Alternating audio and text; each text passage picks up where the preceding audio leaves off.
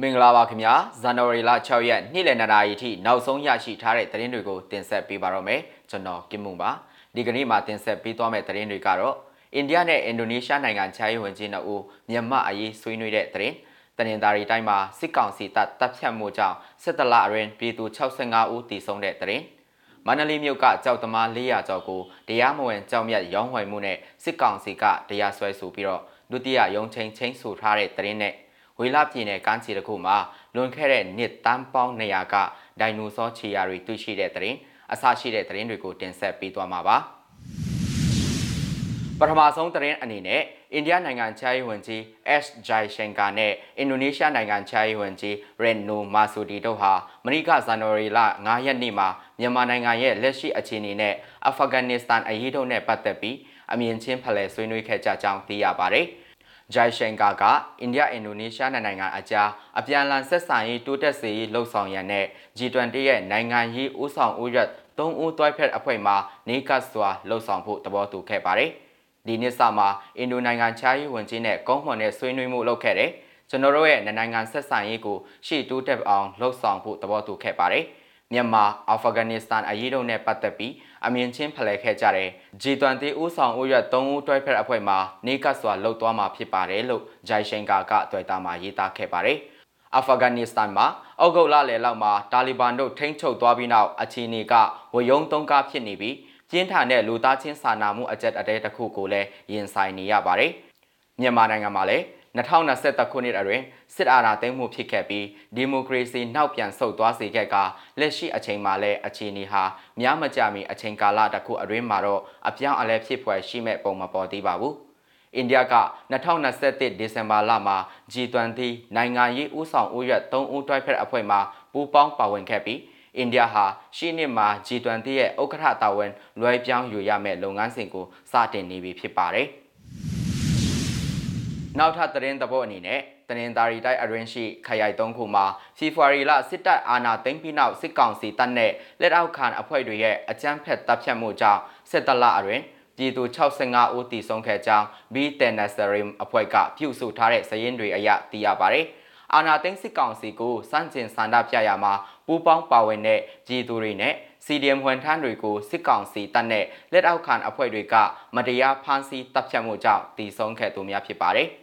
ဘီတန်နာဆရင်အဖွဲ့ကပြုစုထားတဲ့စည်ရင်းတွေအရတနင်္သာရီတိုင်းအရင်အမျိုးသား58ဦးနဲ့အမျိုးသမီး8ဦးစုစုပေါင်း65ဦးအကြမ်းဖက်တပ်ဖြတ်ခံခဲ့ရကြောင်းဆိုပါတယ်။ခရိုင်အလိုက်ပြုစုထားတဲ့စည်ရင်းတွေအရဒဝိုင်ခရိုင်မှာ34ဦးဘိတ်ခရိုင်မှာ19ဦးနဲ့ကော့တောင်းခရိုင်မှာ12ဦးစုစုပေါင်း65ဦးဖြစ်ကြောင်းသိရပါတယ်။အဆိုပါစည်ရင်းက2021ခုနှစ်ဒီဇင်ဘာလအထိသာဖြစ်ပြီး ဘီတန်နဆရင်အဖွဲ့တို့ဆက်သွယ်တရင်ပေးခြင်းနဲ့အဖွဲ့မှကောက်ယူစုဆောင်းထားတဲ့စည်ရင်းတွေဖြစ်ပါတယ်။အာနာသိန်းစစ်ကောင်စီကစစ်ကြောရေးမှာနှိပ်စက်တာကင်းလဲ့ရမှာပြစ်ခတ်မှုကြောင့်တိဆုံးတာလက်အောက်ခံပြူစောထီတွေရဲ့ပြစ်ခတ်မှုကြောင့်တိဆုံးခြင်းစတဲ့ဖြစ်စဉ်တွေမှာပါဝင်ခဲ့ပါကတိဆုံးသူစည်ရင်ပုံများနိုင်ကြောင်းအဲ့အဖွဲ့ကဆိုပါတယ်။ စစ်တပ်ကအာဏာသိမ်းပြီးနောက်စစ်တလအတွင်းတနိုင်ငံလုံးအတိုင်းအတာနဲ့တည်ဆုံးခဲ့တဲ့အပြစ်မဲ့ပြည်သူ1438ဦးရှိပြီဖြစ်ကြောင်းနိုင်ငံရေးအကျဉ်းသားများကိုငွေစောင့်ရှောက်ရေးအသင်း AAPP ကထုတ်ပြန်ထားပါတယ်ခင်ဗျာမန္တလေးမြို့ကတရင်နဲ့ဆက်ချင်ပါတယ်မန္တလေးမြို့ကကြောက်ဝဲကျင်ပမှာအယောင်အဝယ်ပြုတ်လောက်တာကြောင့်ဖမ်းဆီးအမှုဖွင့်ခံထားရတဲ့ကြောက်သမား400ကျော်ကိုမနိကသက်ဆိုင်ရာတရားရုံးတွေမှာတရားစွဲတင်လိုက်ပြီဖြစ်ကြောင်းသိရပါတယ်။ ဒီနေ့တရားစွဲတင်တယ်ဆိုပြီးတရားရုံးကရှင်းပြတယ်ဘယ်ပုံမှကဘယ်လိုပေါင်ရပေါ့ဗျာညနေ9နာရီလောက်မှာကျွန်တော်ငီကိုရုံးထုတ်တာပါတွေ့ရုံပဲတွေ့လိုက်ရတယ်တရားစွဲကိစ္စတွေကရှေ့နေတွေကနေတစင်သိရတာပါလို့ဖမ်းဆီးတရားစွဲခံရသူတဝက်ရဲ့မိသားစုဝင်တဝက်ကပြောပါတယ်ကြောက်သမားတွေကိုဖမ်းဆီးတုန်းကအမှုဖွင့်ထားတဲ့တရားမဝင်ကြောက်မြတ်ရတနာရောင်းဝယ်မှုဥပဒေပုံမှ51ခါခွဲ54တုံးနဲ့တရားစွဲတင်ခြင်းဖြစ်ပြီးအာမခံလည်းမပြီးကြောင်းသိရပါတယ်။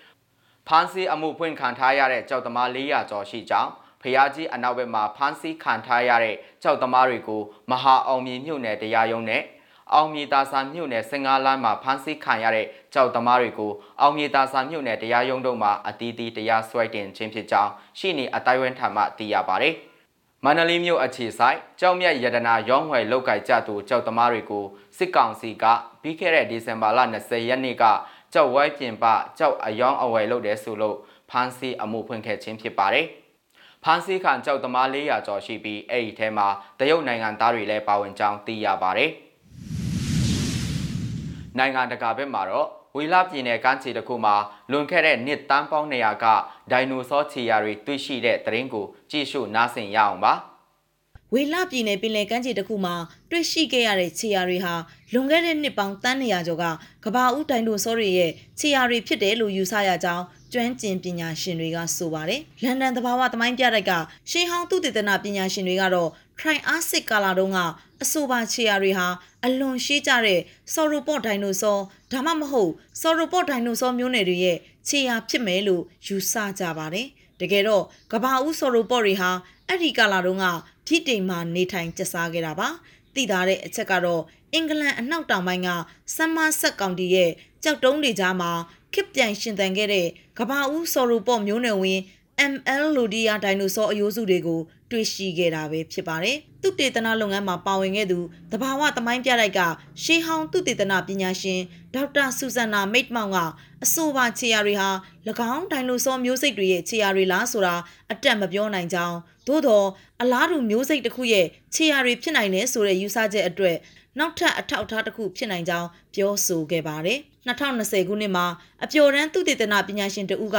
ဝေလပြည်နယ်ပင်နမြို့တော်ကမ်းခြေကဒိုင်နိုဆောခြေရာဓာတ်ပုံတွေကိုမိတ်မောက်နဲ့သူ့ရဲ့လုတ်ဖော်ကိုင်ဘက်ပါမောက်ခပေါ်ဘရက်ဒိုစီကိုပို့ပေးခဲ့ပါတယ်။အစပိုင်းမှာတော့ဒီတွေ့ရှိချက်အပေါ်သူတို့တန်တရားဝင်ခဲ့ကြသလိုဒါတွေဟာဘူမိဆိုင်ရာဖြစ်ထွန်းမှုတွေအပေါ်ဒိုင်နိုဆောခြေရာတွေလို့ယူဆတာလည်းဖြစ်နိုင်တယ်လို့ထင်ခဲ့ကြတာပါ။သို့တော်လည်းဓာတ်ပုံတွေအရတော့ခြေရာတွေဖြစ်နိုင်လောက်တဲ့ကောင်းမွန်တဲ့သဲလွန်စာဖြစ်ပြီးသွားရောက်လေ့လာထိုက်တယ်လို့သူတို့ကယူဆခဲ့ကြပါတယ်။ ခြေရာတွေကိုအလျား164ပေလမ်းကြောင်းတစ်လျှောက်မှာတွေ့ရှိခဲ့ရပြီးခြေရာတစ်ခုချင်းစီရဲ့အလျားက1.6ပေရှိပါတယ်။ခြေရာတွေရဲ့အရေးအတွက်ကိုကြည့်ချင်းအပြင်အဆိုပါနေရာတဝိုက်ဟာဒိုင်နိုဆောတွေဖြတ်တန်းသွားလာနေကြနေရာဖြစ်တယ်ဆိုတာကိုတွေ့ရှိခဲ့ရပါတယ်။ဒီလိုခြေရာတွေကတကမ္ဘာလုံးမှာအလွန်တွေ့ရခဲ့ပါတယ်။ဒါကြောင့် UK မှာ Triassic ကာလကနေထိုင်ခဲ့တဲ့သက်ရှိတွေနဲ့ပတ်သက်ပြီးနောက်ထပ်သိမှတ်စရာတွေထပ်တိုးလာတယ်လို့ယူဆရပါတယ်။ ဒီနိုင်ငံမှာ